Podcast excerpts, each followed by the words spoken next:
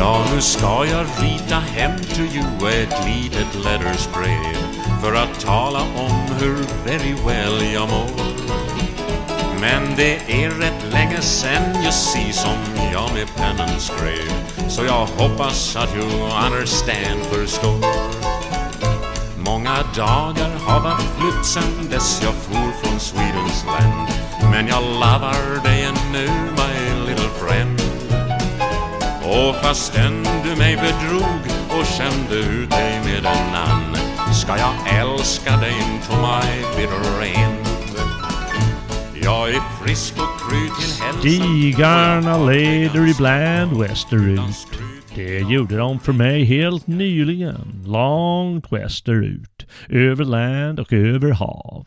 Ända bort till det nya landet som det har kommit att kallas. Just det, Amerikas förenta stater, USA. Lämpligtvis för våra gamla och nya stigar dit i det här avsnittet de också. Ty många nordbo och i synnerhet mången svensk har dragit digra erfarenheter därifrån, hämtat inspiration, vunnit beundran, slagit med häpnad och upplevt stora äventyr. Amerikanska äventyr. På gamla och nya stigar drar vi nu västerut till Amerika, så håll i hatten hårt!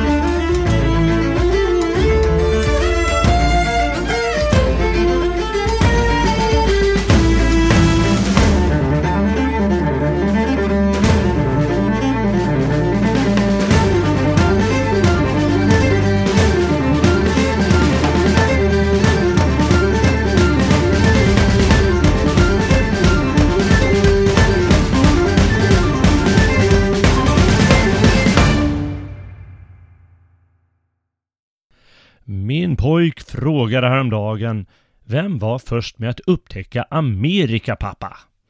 Till hans förvåning svarade jag Xixliquick eller vad nu den första kan ha hetat som vandrade över ett fruset Beringsund en kall vinterdag för sådär 10 000 år sedan. Men jag förstod vad pojken ville höra och reviderade det hela till Kristoffer Columbus kanske så att gossen beskäftigt kunde kontra och säga nej pappa, det var isländska vikingar. Det var Leif Eriksson. Undra om Leif Eriksson, eller Leif Röde som han också kallas, hade med sig en svensk på resan. En som därmed kunde uppleva spännande amerikanska äventyr. Helt omöjligt är det inte. Kanske fanns det en svensk i Olav Tryggvasons hird, en som Leif blev god vän med. Eh, Leif var nämligen hirdman åt kung Olof ett tag.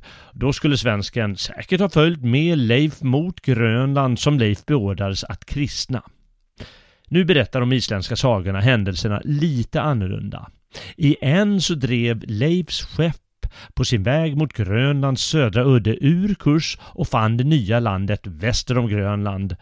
I en annan saga hade en viss Bjarne Herjolfsson kommit ur kurs 15 år tidigare och siktat land väst där, ja där väster om Grönland, dock utan att gå i land. Leif köpte sedermera Bjarnes fartyg och ville utforska detta land som han hört islänningen berätta om. År 1000 genomförde Leif således resan västerut, vare sig han planerade det eller kom ur kurs, beroende på vilken saga man litar till. Och upptäckte, upptäckte i tur och ordning de land som han kallade Helluland, Markland och Vinland. Troligen Baffin Island, Labrador och Newfoundland. Huruvida Leif, hans svenska vän och deras mannar träffade på några skrälingar, alltså eskimoer och indianer, det vet vi inte. Däremot dödades Leifs bror Torvald av skrälingar när han gjorde en resa till det okända landet i väst något år senare. Islänningarna var ett folk bestående av upptäckare och nybyggare. De hade ju själva flytt Norge för ett nytt liv på Island på 800-talet. Sålunda var det inte märkligt att en grupp islänningar koloniserade Grönland och senare ville prova på vinländsk nybyggarlycka, nybyggarlycka några år efter Leif Erikssons tur dit. Torfinn Karlsämne, eller Karlsävne som det heter på norska och irländska, drog med tre skepp med säd och kanske boskap till Amerika. På Vinland slog de ner sina bopålar, byggde nytt och gjorde troligtvis färder en bit söderut. Kanske de koloniserade landet lite längre söderut rent av. Tre år prövade de på lyckan i det nya landet, men alla var inte förtjusta i de nya omständigheterna trots bördig mark och trots spännande upplevelser. En av nybyggarna, Torhall jägaren, har diktat om sin längtan bort från Amerikas marker. Så här lyder ett par dikter. Dessa ekhjärtade krigare lurade med mig till detta land med löften om utsökta drycker. Nu förbannar jag det landet, ty jag, hjälmbäraren, måste här huka mig vid en källa och svänga en vattenhink. Inget vin har vidrört mina läppar.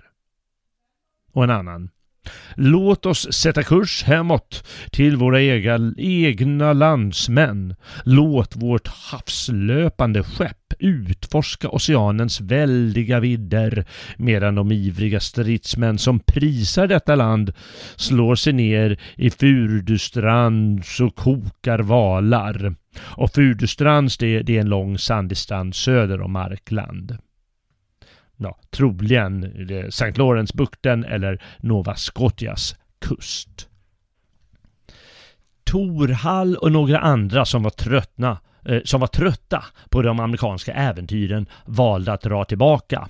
Eh, eller om de nu kom bort från huvudgruppen eller någon av upptäcktsfärderna där runt Vinland hur som helst, stackarna kom i alla fall vilse på havet och drevs slutligen, sägs det, till Irland där de slutade sina dagar som slavar. Ja, så kan det gå om man inte gillar det nya landet.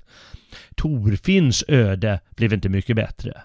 Efter strider med skrälingarna blev han tvungen att ge upp projektet och återvända till Grönland. Och därefter försvann intresset för nybyggeri i nya landet och kännedomen om det i många hundra år.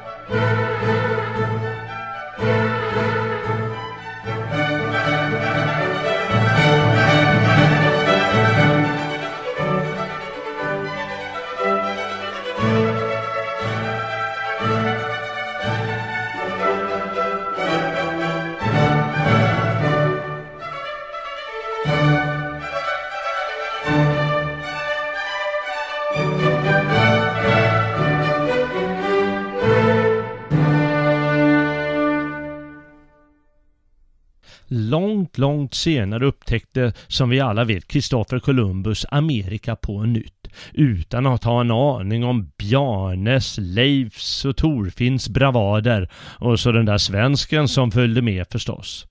På Columbus tid var de europeiska rikena mycket mäktigare än när Leif Eriksson levde.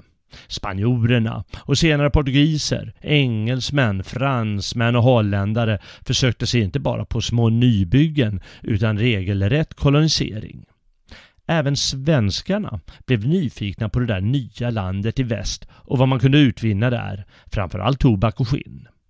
År 1637 sattes planerna i verket då regeringen och finansiärer bekostade skepp, utrustning och medel för landköp i Amerika.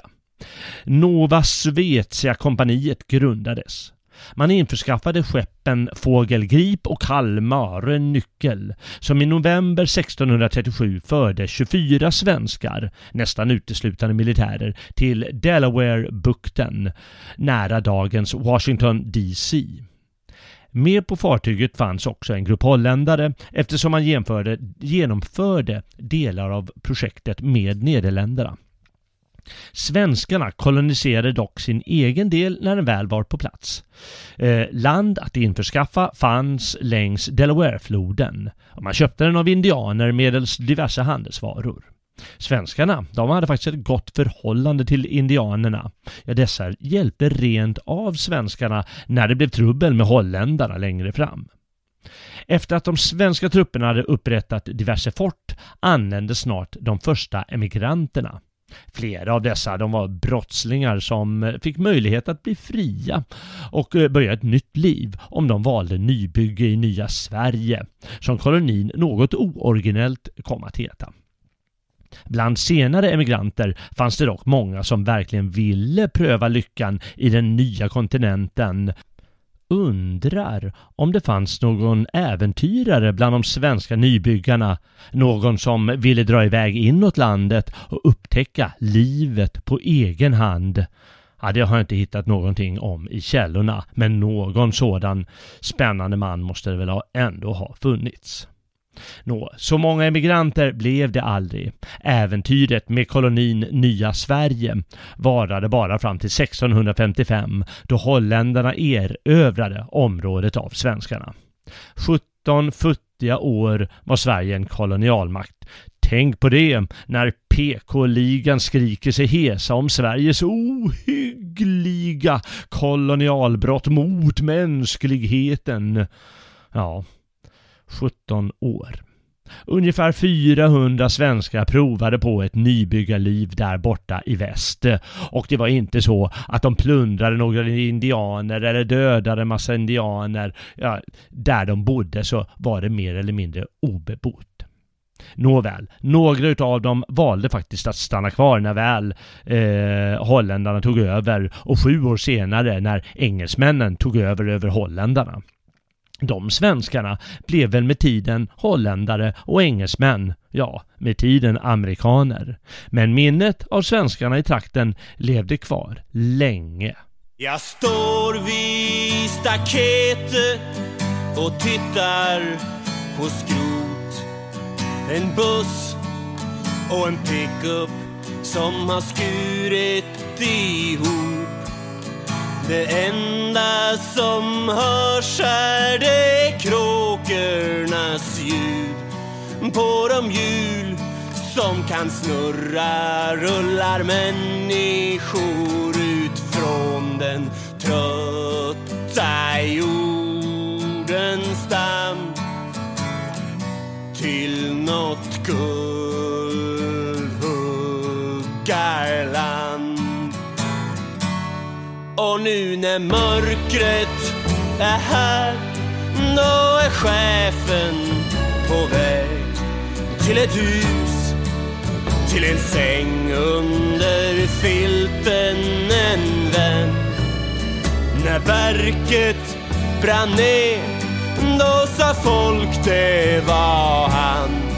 När det byggdes ett nytt var det någon annanstans än på den trötta jordens till något guld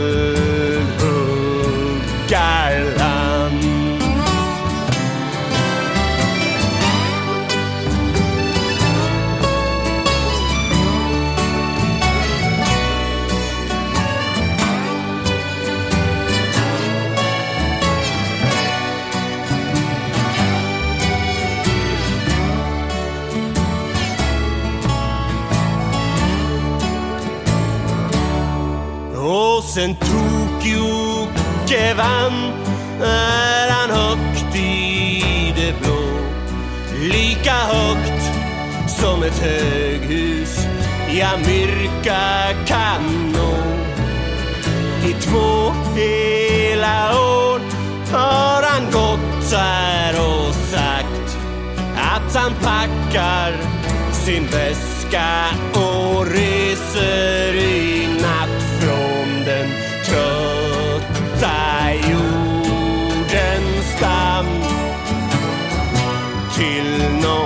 något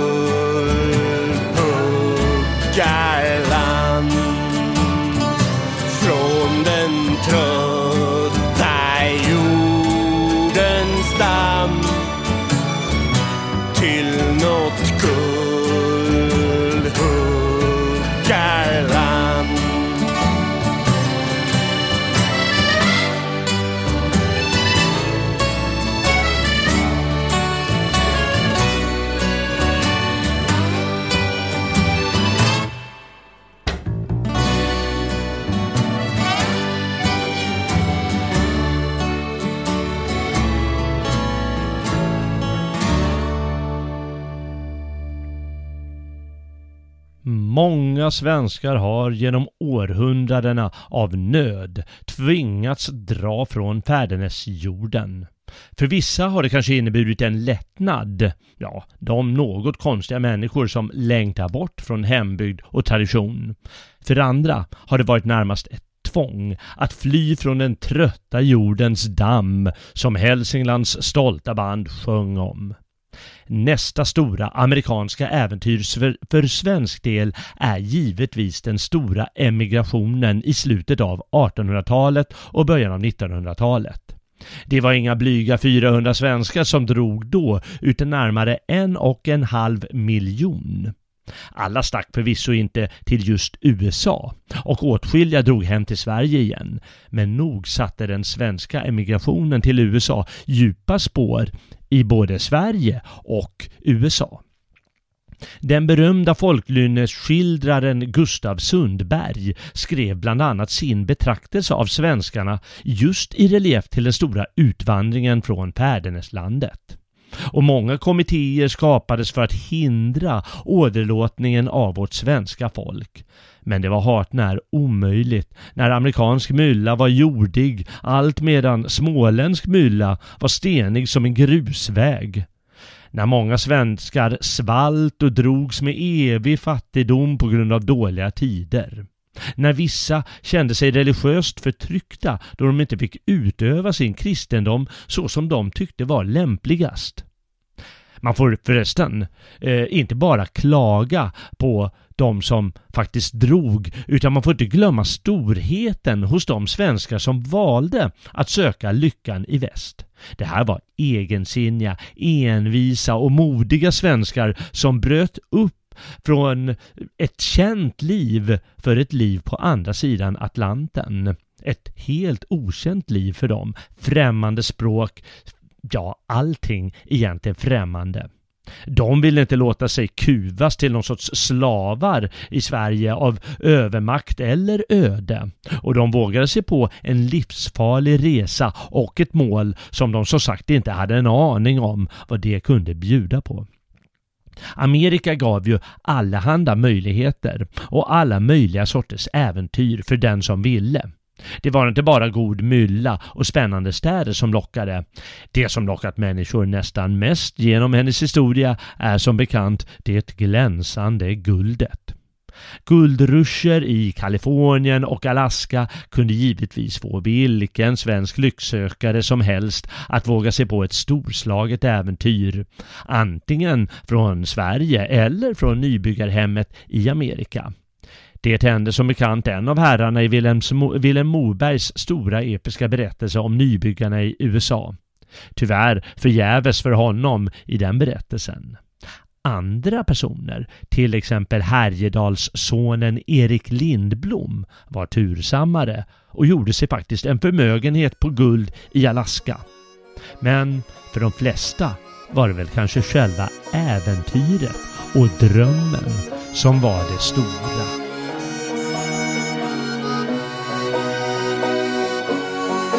Jag satt ensam kvar på stranden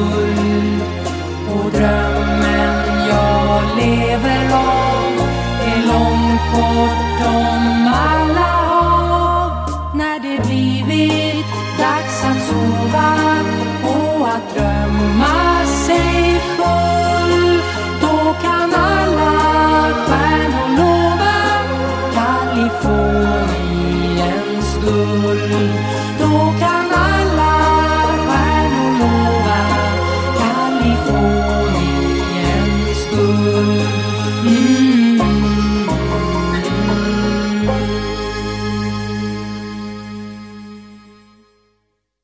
Visst var många svenskar som drog över till USA bönder och flera av dem förblev bönder, precis som Vilhelm Moberg berättar. Men de allra flesta svenskarna hamnade faktiskt i städer. Chicago var den stad som lockade till sig flest svenskar. Och det är faktiskt inte bara USA som har satt spår i svensk historia. De ditresta svenskarna har satt djupa spår i amerikansk kultur. Till exempel genom poeten Carl Sandburg. Hans föräldrar Klara och August var från Östergötland. De flyttade till Illinois där de födde sonen Karl. Familjen var fattig så pojken fick klara sig på egen hand från och med unga år med alla möjliga jobb i mellanvästern. Så småningom hamnade han i Chicago där han på allvar började skriva poesi och blev en av USAs mest kända poeter. Mest känd för sina Chicago Poems samt dikter som har med den enkla klassen att göra.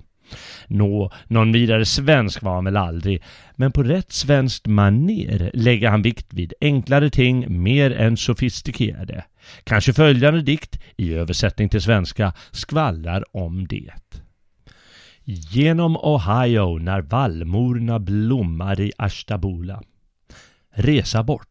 Lämna stormarna i maj att blåsa över vinfälten nära nordvästra hörnet av Pennsylvania. Lämna pionerna kring farstutrapporna att spänna ut sina barmar åt förbipasserande i norra Ohios städer i maj. Lämna pojkarna att segla med ljusblå drakar i en djupblå rymd och det gula, gula som rinner över smörblommornas breddar där de hopar sitt guld likt guldskummande havsvågor. Resa bort, resa till New York, Broadway, Femte Avenyn, lampor och löv av glas, glasansikten, fingrar. Resa Plocka med vallmor i Ohio, moder. Plocka med vallmor på en bakgård i Ashtabula. Maj drar bort. Vallmorna kommer sommarsusande. Gör det till en vallmosommar, moder. Löven sjunger i silke, sjunger i blekbrunt guld. Sju solnedgångar har sparat sig för att vara närvarande nu. Plocka med vallmor, moder. Drag bort maj. Skölj över mig sommar. Intag denna bakgård i Ashtabula. Giv oss ett fyrverkeri vid dagsljus i Ohio. Bränn av det i blekbrunt guld. Carl Sandburg rimmar inte och har ingen direkt rytm. Han tillhör helt enkelt en mer modern diktform. Men det var inte så att han levde i mitten av 1900-talet direkt utan det är där kring år 1900. Och i Chicago bodde han och genom städerna och industrin gjorde de flesta svenska nyamerikaner sig kända. Smålänningen Gideon Sundbäck hamnade sedermera i Pennsylvania och New Jersey där han utvecklade blixtlåset till vad det är idag. För 120 år sedan. En annan smålänning, Henry Eriksson, byggde några av de första och största skyskraporna i Chicago. Dalmasen Erik Wickman lade grunden till Greyhound Lines, busslinjen som idag spänner över stora delar av USA. Och Kungälvs egen son Alexander Samuelsson formgav de första Coca-Cola, den första Coca-Cola-flaskan i det nya landet. I industrin arbetar just arbetare. Svensken Joel, Joel Hägglund från Gävle förvandlades i USA till Joe Hill, där han med otrolig energi drog ett stort lass för USAs arbetarrörelse. Martyr blev han också när han arkebuserades 1914 för ett påstått mord. Jag drömde om Joe Hill i natt. Vi stod där man mot man. Jag sa till Joe, du är ju död. Jag kan ej dö, sa han. Jag kan ej dö, sa han. De sa du hade mördat någon vid Salt Lake Citys sjö. De sköt dig mitt i hjärtat, Joe Han sa jag är ej död. Han sa, jag är ej död. Men plutokrater sköt dig, Jo. De tog ditt liv till slut. Att mörda sången min, sa Jo Vill mera till en krut. Vill mera till en krut. Han stod där vid min säng och log och sa i självklar ton Jag sått ett frö som ej kan dö Vår organisation. Vår organisation. Joe Hill kan aldrig någonsin dö Sa Joe, jag lever än. När män går ut till strejk och strid Då går Joe Hill igen då går Joe Hill igen. Från San Diego och till Maine var helst vår kamp slår till. För människovärde, lag och rätt Där hittar ni Joe Hill. Där hittar ni Joe Hill. Jag drömde om Joe Hill i natt. Vi stod där man mot man.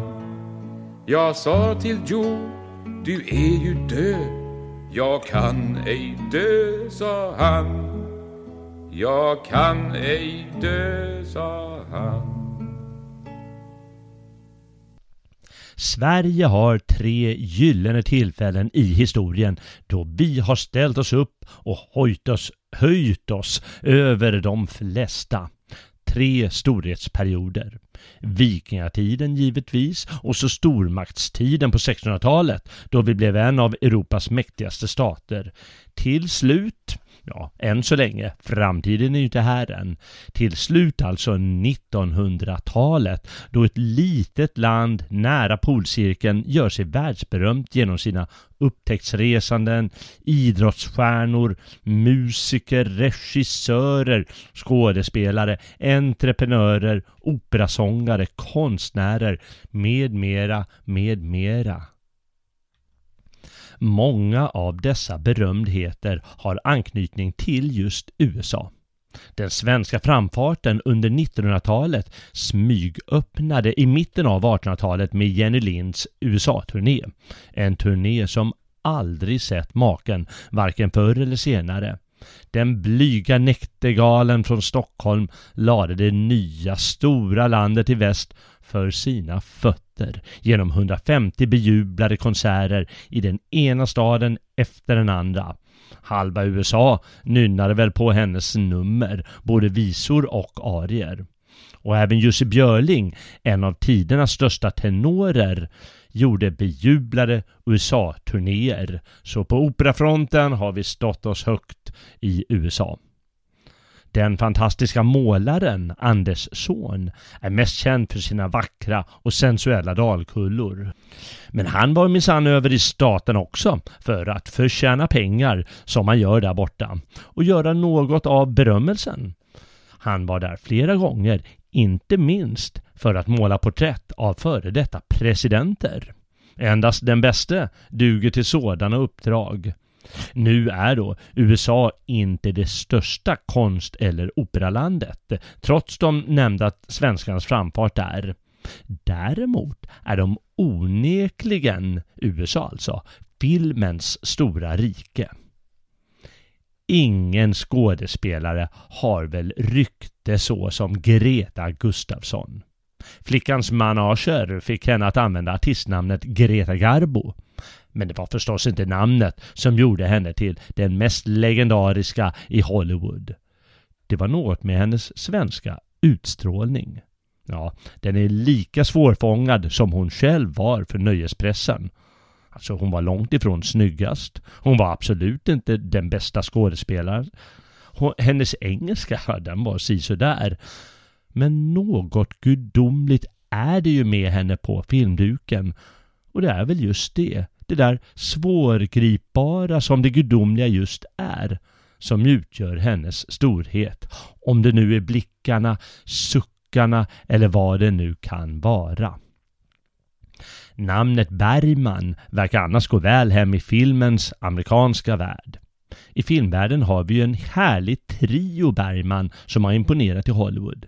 Minst känd av dessa Bergmans är en av Sveriges största romanförfattare, Hjalmar Bergman, som var väl anlitad manusskribent i Hollywood. Vad gör man inte för pengarna, tänkte han, som amrisarna så gärna hostar upp. Och så har vi förstås den undersköna Ingrid Bergman, odödlig inte minst genom rollen i Casablanca och många andra klassiker. Och sen har vi förstås Ingmar Bergman, som amerikanerna, klyftiga som det är när det gäller film, ser som den kanske största filmskaparen av dem alla. Amerikanerna är ju på många sätt den moderna världens grogrund. Och det är väl därför just amerikanerna så tydligt har uppfattat de brott med traditioner som Bergman i sina, sina filmer blottar och problematiserar. Gudsproblematiken, kyrkans roll, äktenskapets roll med mera.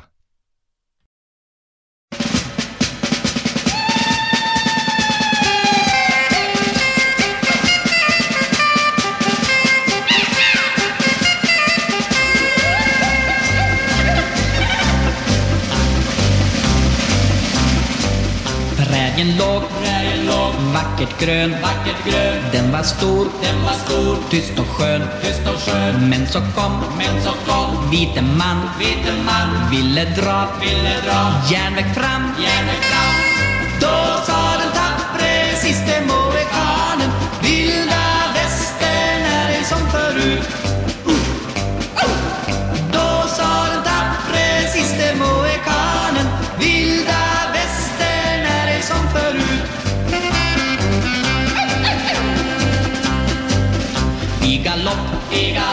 galopp. Hem han for, hem han for. Grävde upp, grävde upp. Yxa stor, yxa stor. Men hans fru, men hans fru. Sade bröd, sade bröd. Kila ut, kila ut. Och hämta ved, hämta ved.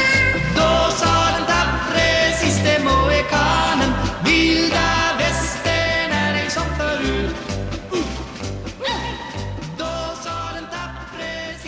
Minns ni den gamla slagdängan? Den sista mohikanen. Jag gör det på sätt och vis inte, måste sägas. Jag är nämligen född långt efter att den kom ut 1961. Den välkända sången, den handlar om USA, dagens tema. Men det är inte därför den är med i dagens program.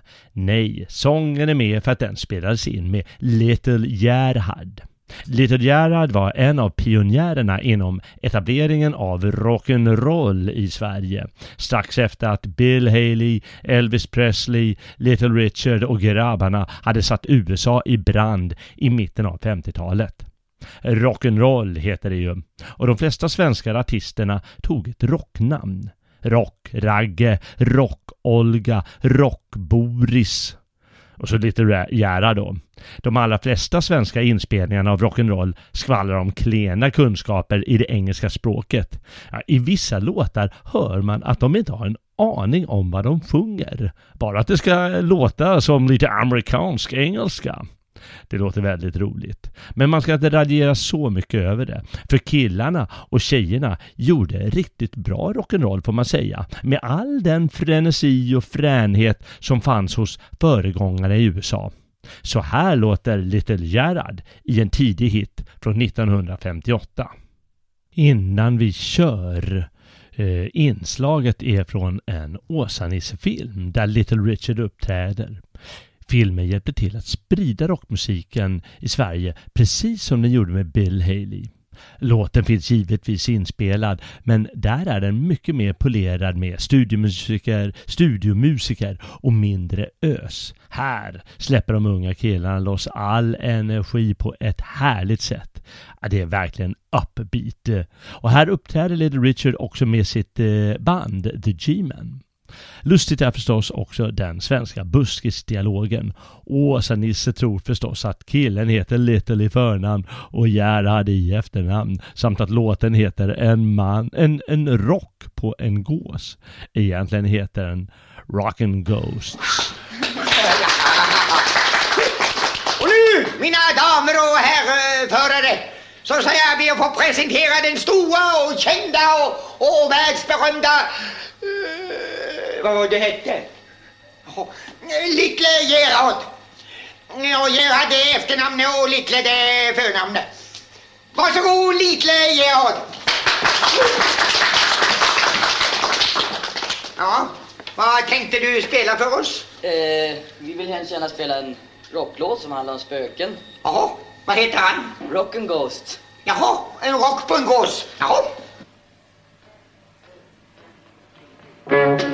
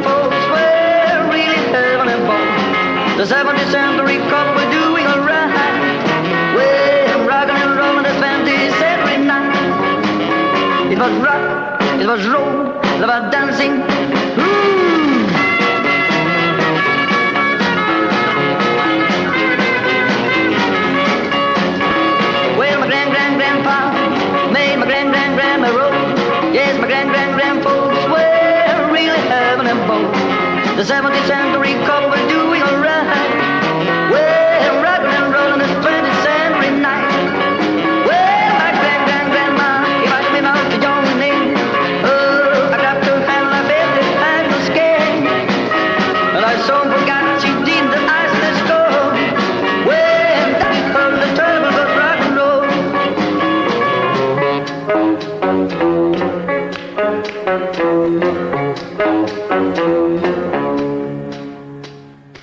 Redan 1957 till 1958 slog rockmusiken igenom i Sverige med egna artister, egna spelningar, framförallt på Nalen i Stockholm och egna skivsläpp. Sådana som Little Rich, nej, Little Gerhard ska det vara förstås, och Rock-Olga lade på många sätt grunden för det svenska popmusikundret. Svensk popmusik har ju sedan 70-talet gjort sig ett stort namn världen över, inte minst i rockens hemland USA. Det beror förstås på att svenskar tidigt snappade upp rockmusiktrenden och från första stund provade alla popmusikstilar som kom från USA. Man inspirerades, imiterade, gjorde till sitt eget, skapade nytt. Man behöver inte tycka om ABBA, Ace of Base eller Avicii, men man kan inte säga annat än att de har varit en del av den moderna skaparkraft som har satt Sverige på världens karta. De, de är en del av den anda som har höjt svenskarna över många andra folk de senaste 100-150 åren. Idrotten är givetvis ett annat fenomen där svensk anda har gjort sig hörd. Sett med amerikanska ögon gjorde Gunder, He Gunder Hägg en USA-turné där han gjorde mos av alla.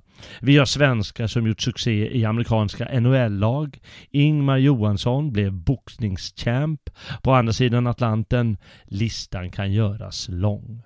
Vidare finns svenska uppfinnare, entreprenörer och andra spännande personer som har visat den där svenska andan där borta i väst. Men det finns ingen anledning att gotta ihjäl sig. Vi svenskar är ju ett rätt så modest folk.